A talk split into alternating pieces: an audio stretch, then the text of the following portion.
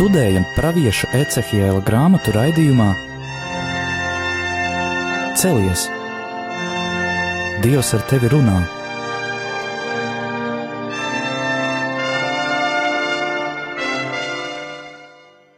Slavēts Jēzus Kristus! Mūžīgi mūžos slavēts Studijā Stela un Anģela. Kā pagājušā reizē mēs turpinājām lasīt Ecehiela grāmatas 11. nodaļu, kur ielūkojamies arī tajā, kāds ir šis spriedums, Dieva spriedums vadītājiem, kuri nav godprātīgi, kādi, kādas ir viņa pašas domas, ka viņi būs tā gaļa tajā katlā, un kādas ir Dieva domas, ka pravietis Un Dievs caur pravieti viņiem pasaka par to, ka viņi pat bojā neies tajā pilsētā, kuru paši ar savu rīcību ir līdz šai situācijai noveduši. Taču 11. nodaļas otrā pusē Dievs runā ne tikai par postu, bet arī par Izrēla atjaunošanu un dod arī to priekšrakstu, ja priekšnoteikums, kādā veidā Izraels tiks atjaunots. Un mēs jau skatoties no jaunās derības puses, varam saprast, ka Izraels vispilnīgākā veidā ir atjaunots baznīcā.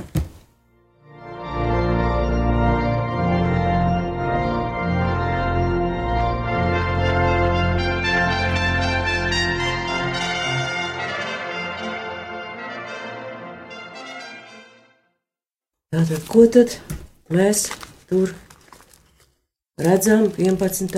nodaļas beigās Ecehila grāmatā? Kā kungs saka, ka viņš izkaisīs izredzētās tautas pārstāvis starp dažādām tautām un tālu, un arī šodien mēs varam redzēt, ka izredzētās tautas pārstāvji ebreji dzīvo ļoti dažādās vietās, viņu kopienas ir starp ļoti dažādām tautām, un ka daudz kur viņi arī ar savu turēšanos pie vecās derības un uzticību savām reliģiskajām tradīcijām dažkārt ir kā tādi saci, un ir arī vajāti, ja mēs pat atceramies Otro pasaules karu, un cik liels skaits tika iznīcināts ebreju nacistiskajā režīmā. Tajā pašā laikā šī tauta ir kā zīme Un Ecihela vārdos ietvertais pravietojums savā veidā ir pat kā dubulta zīme, jo, kā es teicu, mēs varam atjaunoto Izrēli saskatīt arī baznīcā, un arī baznīcas cilvēki, kristieši dzīvo visdažādāko tautu vidū. Īpaši tas parādījās kristietības pirmsākumos, ka viņi dzīvoja izteikti pagāniskā vidē, un daudzas reizes tika pat vajāti un nepieņemti. Kaut gan, ja mēs paskatāmies Jāņa atklāsmes grāmatā, kur ir šis pravietiskais teksts par septiņām draudzēm, iznāk tā, ka baznīca aug un ir visstiprākā.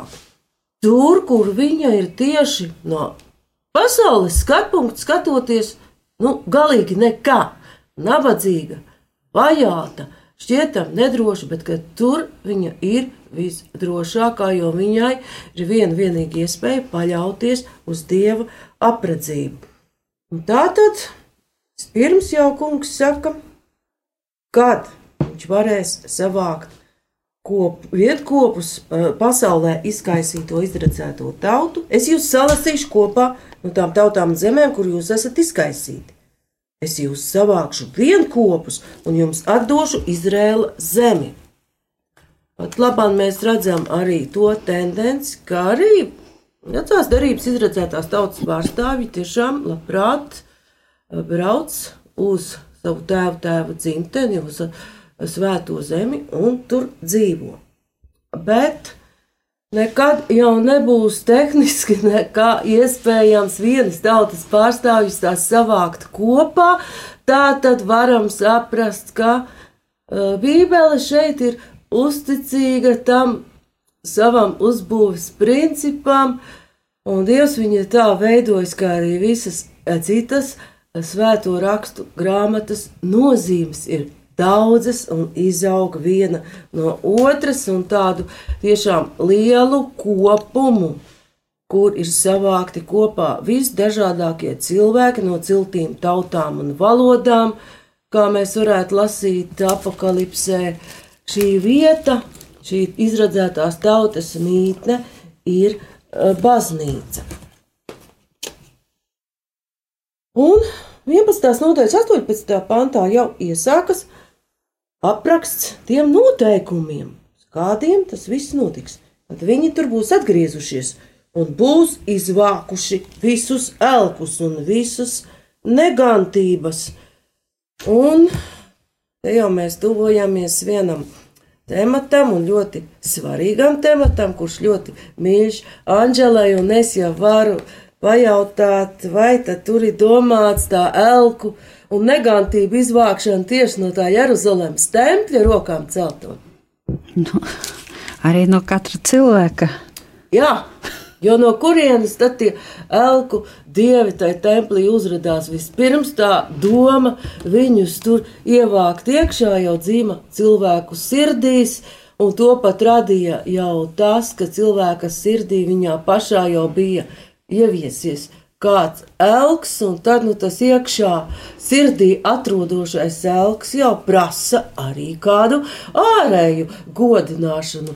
Ja tev sirdī mājo nauda, tu, protams, gribi parādīt apkārtējiem, ka tev viņa ir svarīga, ka tu viņu mīli un ka tev viņa ir, un tev būs skaista mašīna, vismaz trīs vilnas ar nezinu cik guļamistabām, cik toaletēm jo tev ir jāparāda, ka tev ir tavs mīļais elks, nauda.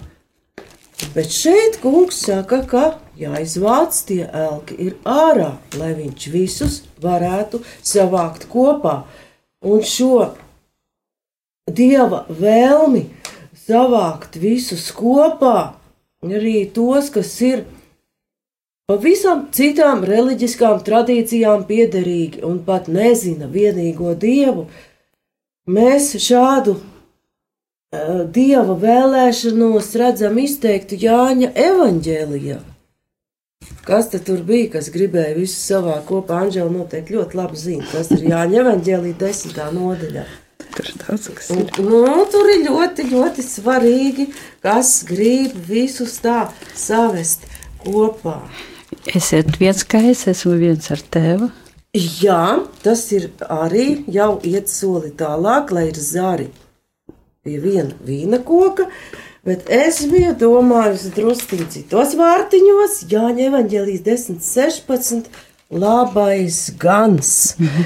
10, 16, Jēzus saka, šī labais gans, kas saka, man vēl ir citas avis, kas nav no šīs kūts. Arī tās man jāatved, arī viņas dzirdēs manu balsi, un būs viens ganāms pulks un viens gans.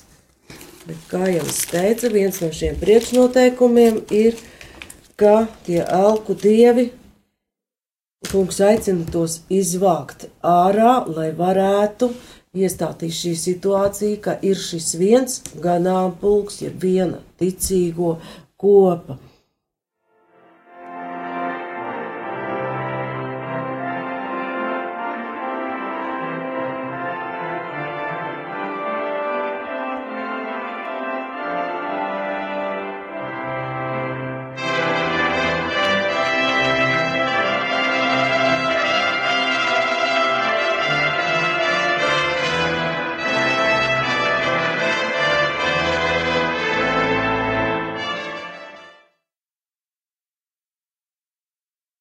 Un tālāk, ko mēs redzam, kungs runā tādus jau pavisam interesantus vārdus ar praviešu lūpām.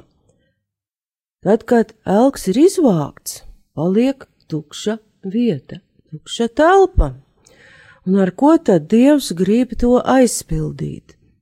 11. nodaļā, 19. pantā, Ecihela grāmatā es varu lasīt latviski, tad es tiem došu citu sirdi, jaunu garu, es izņemšu viņiem no krūtīm akmens sirdi un iedošu tiem sirdi no miesas. Un iepriekš jau laikam par to izlasījām, bet atkārtošana zināšanu māte, un Anģela var šo tekstu vēlreiz izlasīt Krievu valodā. Kā tur ir ar to jauno? Я и дам им сердце единое, и дух новый вложу в них, и возьму из плоти их сердце каменное, и дам им сердце плотяное, чтобы они ходили по заповедям моим и соблюдали уставы мои, и выполняли их, и будут моим народом, а я буду их Богом. Paldies! Te tulkojumā ir būtisks atšķirības. Tātad saprotam, ka vieta ir tukša, un gan toreiz, kad izvarēdzētā tauta tika izvesta, gan arī kristietības vēsturē, ka notiek visas šīs lielās kataklizmas nāk režīmi un varas, kas ticīgos pat nīcina ārā. Šie pārbaudījumi ir kā tāda uguns, kas atklāja, kas katrā cilvēkā ir, un tos elkus arī aizvāc, jo Dievs rada dažreiz ļoti īsā laika periodā, dažreiz paiet ilgs laika posms, pat daudzi gadsimti ka Dievs rada situāciju, ka tas elks nekā nepalīdz. Viņš izrādās nespējīgs kaut ko cilvēka labā darīt. Tava nauda, tavs īpašums, tavs fiziskais spēks vai tava vara izrādās pilnīgi bezspēcīgi Dieva pārbaudījuma priekšā. Un varētu šķist, ka Dievs ir tāds, nu, briesmīgs sodītājs un terorists, bet tādā veidā ekstremālos apstākļos, jo, kā jau visu laiku Ecihela grāmatā mēs redzam, ka šiem cilvēkiem tie ausis ir biezas, acis ir aklas un uh, skaustas stīvi uzklausīt gan pravieša vārdus, gan pravieša rādītās zīmes. Viņš to dara, lai varētu iedot viņiem, kā mēs latviešu valodā, es tiem došu citu sirdi un jaunu garu izņemšu viņiem no krūtīm akmens sirdi un iedošu tiem sirdi no miesas. Bet krievu valodā ir Jēdzinājas sirds, tas ir nesadalītas sirds, jeb tas ir cilvēks, kurš savos sirds dziļumos un ar sirdi svētajos rakstos mēs saprotam cilvēka svētāko dziļāko vietu, kur viņš pieņem lēmumu vainu par vai pret dievu, līdz ar to tam lēmumam ir tālajošas sekas pieņemt dievu. Mēs varam saprast, ka viņš pieņem. Cits var būt vairāk pieņem dievu pat kā personu vai emocionāli, cits cilvēks, kas tādā ziņā ir atturīgāks, labāk uztvers pat šo dieva likumu un pieņems viņa likumu pildīšanai. Turpretī, uh, tā dalītā sirds, viņš varbūt pat formāli var pieņemt tos dieva likums uz ārpus pat pildīt, bet cita viņa sirds puse būs aizņemta ar elku un rīkosies atbilstoši. Un mēs varam izlasīt uh, mīlestības himnu, kur, uh, kur Dievs aicina, lai mūsu sirdīs pien, uh, būtu viņš. Klausies, Izraēla, Tas kungs, mūsu dievs, ir vienīgais kungs, un tev būs to kungu savu dievu mīlēt no visas savas sirds, no visas savas dvēseles un ar visu savu spēku.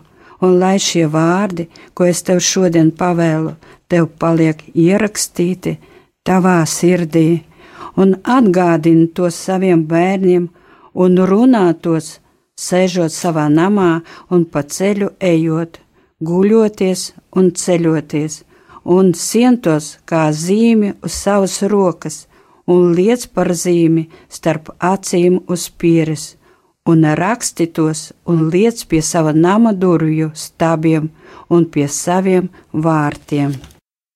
Paldies! Šajā fragmentā, bet no kurienes tas bija? Atkārtot likuma grāmata. Atkārtota likuma grāmata, tātad pat senāks teksts par Ecihelu un daudz senāks par jauno derību, un arī šeit ir runa par šo likumu sirdī, kas ir pat ļoti interesanti. Tātad š, jau šeit Dieva likumā jo atkārtotā likuma grāmata pieder pie Toras, jo vecās derības izredzētās tauta, tautas pamatlikuma. Ir šis kunga aicinājums saskaņot savu sirds nostāju ar to, ko mēs darām arī uz āru, jo jūdi parādīja arī šo piederību kungam un mīlestību uz viņu ar ārējām zīmēm, lūkšanu viņi lika tādā kastītē pie filaktērijā pie pieres un arī ap rokām aplika lūkšanas siksnis, ka lūdzās, bet šo simbolu mēs varam saprast arī dziļāk un tālāk. Ja sirdī ir šis dieva likums, arī tavas samādzenes darbosies, lai viņu tu izpildītu ar savām rokām, un kā apustulis Jēkabs savā vēstulē saka, lai būtu šie darbi, kas ticība apliecinātu, jo bez darbiem ticība ir nedzīva. Un mīlestība jau ir tas, kas dod šo sirds apvienošanu, jo kā tad mēs viņu varam dabūt vienotu? Jo cilvēks var mocīties dažādi, un vienalga tā sirds viņam kaut kur tieksies uz vienu pusi, uz otru pusi. Es redzu, ka Anģelē kaut kas saka Jā, par to. es arī gribēju pateikt, Jā. kas eh, Mateja evaņģēlē teikts pa mūsu sirdi. Mācieties, mācieties, kurš ir augstākais bauslis bauslībā bet Jēzus tam sacīja: Tev būs Dievu savu kungu mīlēt no visas sirds, un no visas dvēseles, un no visa sava prāta. Šis ir augstākais un pirmais bauslis. Otrs tam līdzīgs ir: Tev būs savu tuvāku mīlēt kā sevi pašu. Kā tur jau arī ir salikts kopā, ko tad nozīmē tā mīlestība uz Dievu, ka tas nebūtu nenozīmē, un dažkārt man pat bērnībā tas šausmīgi atbaidīja, un arī vēlāk, kas tad tagad ir jāskatās uz to Dievu, no rīta līdz vakaram lūkšanas jā, jāskaita. Izrādās, ka tā mīlestība pret savu tuvāko. Un kāpēc tā ir tik svarīga? Jāņa pirmā vēstule pat caur mīlestības vārdu paskaidro, kas tad pats Dievs ir. Ka pats Dievs ir mīlestība, un ka katrs, kas mīl, ir no Dieva, dzimis un atzīst Dievu, kas nemīl, nav Dieva atzins, jo Dievs ir mīlestība. Tur nāk līdz šajā attieksmē pret dievu un tuvāko arī pūriņā atbrīvošana no bailēm, jo tālāk arī lasot Ecihila grāmatu mēs redzēsim, kad nāk šī dieva pieļautā iznīcība, tai līdz nāk arī bailes. Bet pirmajā Jāņa vēstulē, 4. nodaļā, 18. pantā mēs lasām, baila nav mīlestībā, bet pilnīgā mīlestībā aizdzen bailes, jo bailēm ir mūks, kas baiļojas nav sasniedzis pilnību mīlestībā. Un atkal 19. pants sasauc ar to, ko jau mums teica Anģela, tas ir pirmā Jāņa vēstulē, 4. nodaļā. Mīlēsim, jo viņš ir mūsu pirmais mīlējs. Ja kāds saka, es mīlu Dievu un ienīst savu brāli, tad viņš ir melis jo kas nemīl savu brāli, ko viņš ir redzējis, nevar mīlēt Dievu, ko viņš nav redzējis.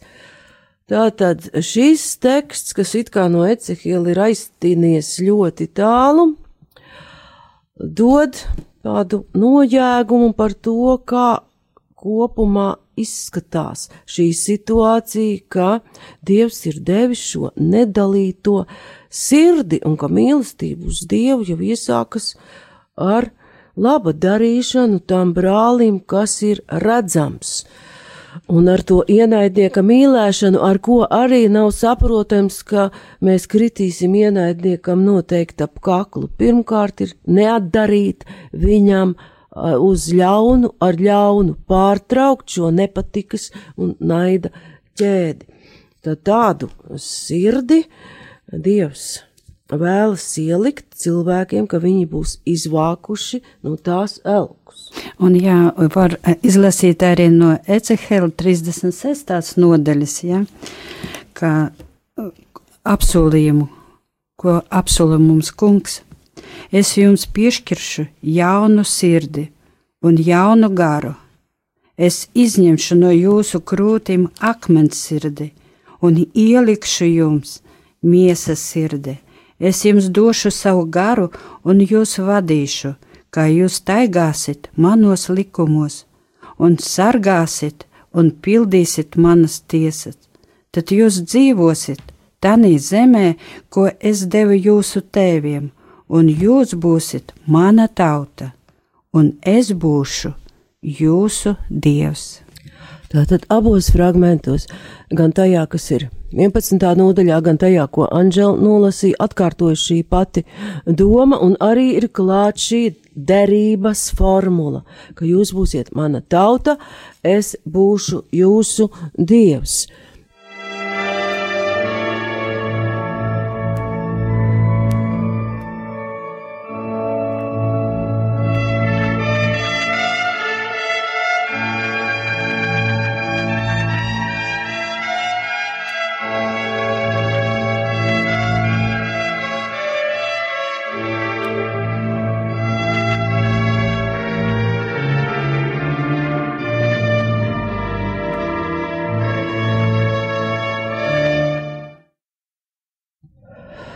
Jeremijas grāmatā, 31. nodaļā, 31 līdz 33. Šī jaunā derība, kas rakstīta sirdī, jau ir skaidri un gaiši nosaukta par jauno derību, kas tieši tik precīzs apzīmējums tā ir vienīgā vieta vecajā derībā.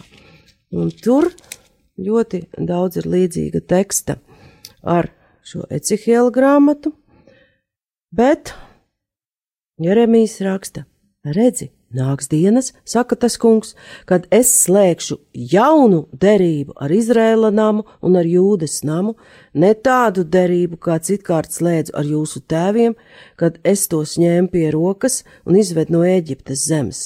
Šo derību tie ir pārkāpuši, kaut gan man bija noteikšana par tiem, tā saka tas kungs.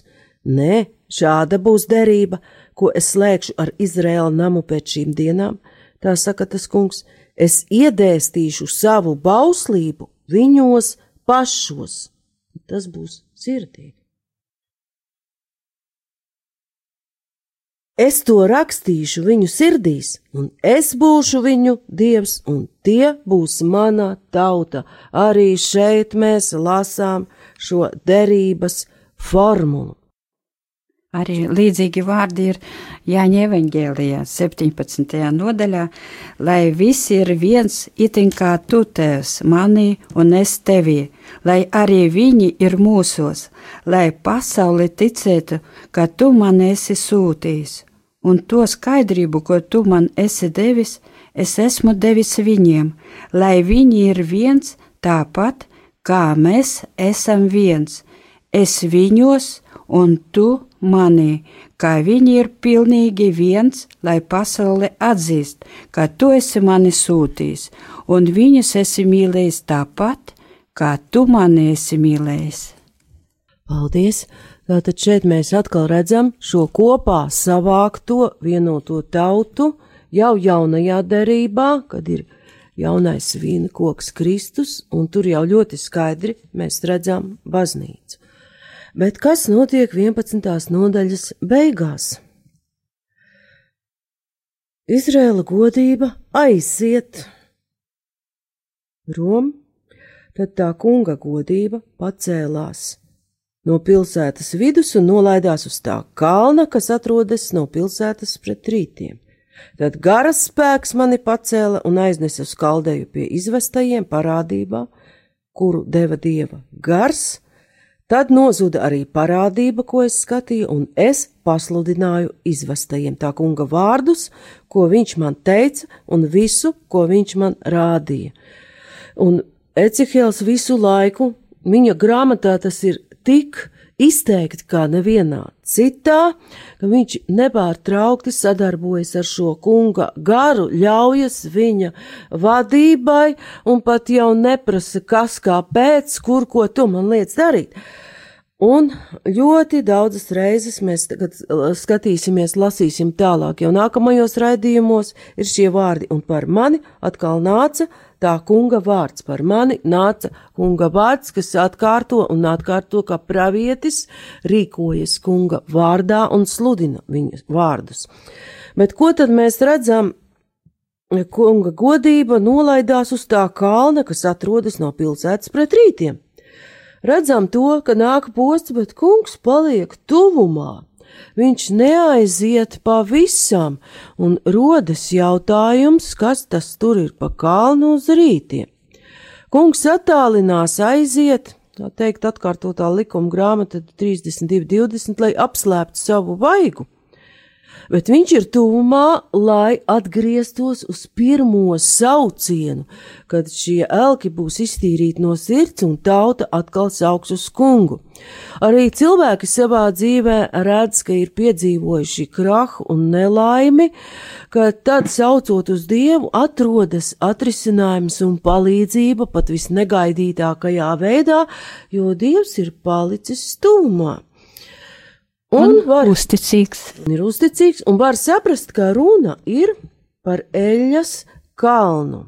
Gačemen, jeb eļas spiede, tā tad viņš aiziet.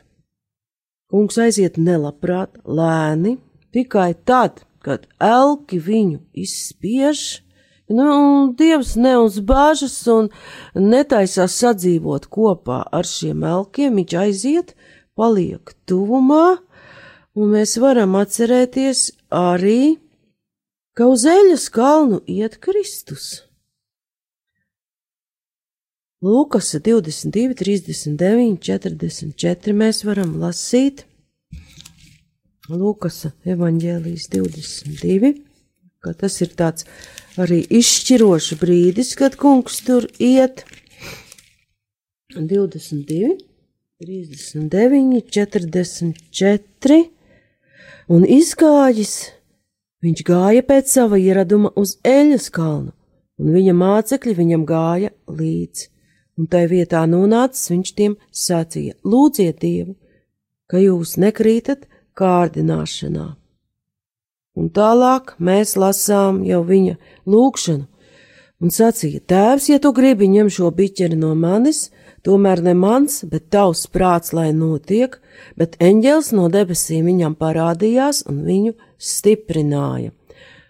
Tā tad otrs nosaukums mēs vairāk pazīstam ar ģetzemani, jeb getšemen, eļas, spiede, un redzam, ka tieši arī uz šī kalna, kur bija tūmā palikusi dieva godība, arī šeit, jaunā derībā vispilnīgākā veidā, atklājas dieva godība, jo Kristus pieņem lēmumu par upuri, viņš pieņem lēmumu paklausīt tēva gribai, tā tad dieva godība ir tuvumā un gatava atkal nākt pie cilvēkiem. Bet kādas zīmes vēl ir jārāda tautai pravietim Ecihēlam, Un kas tālāk notiek šajā grāmatā, mēs jau lasīsim nākamajā reizē. Paldies par uzmanību! Studijā bija Stela un Anģela.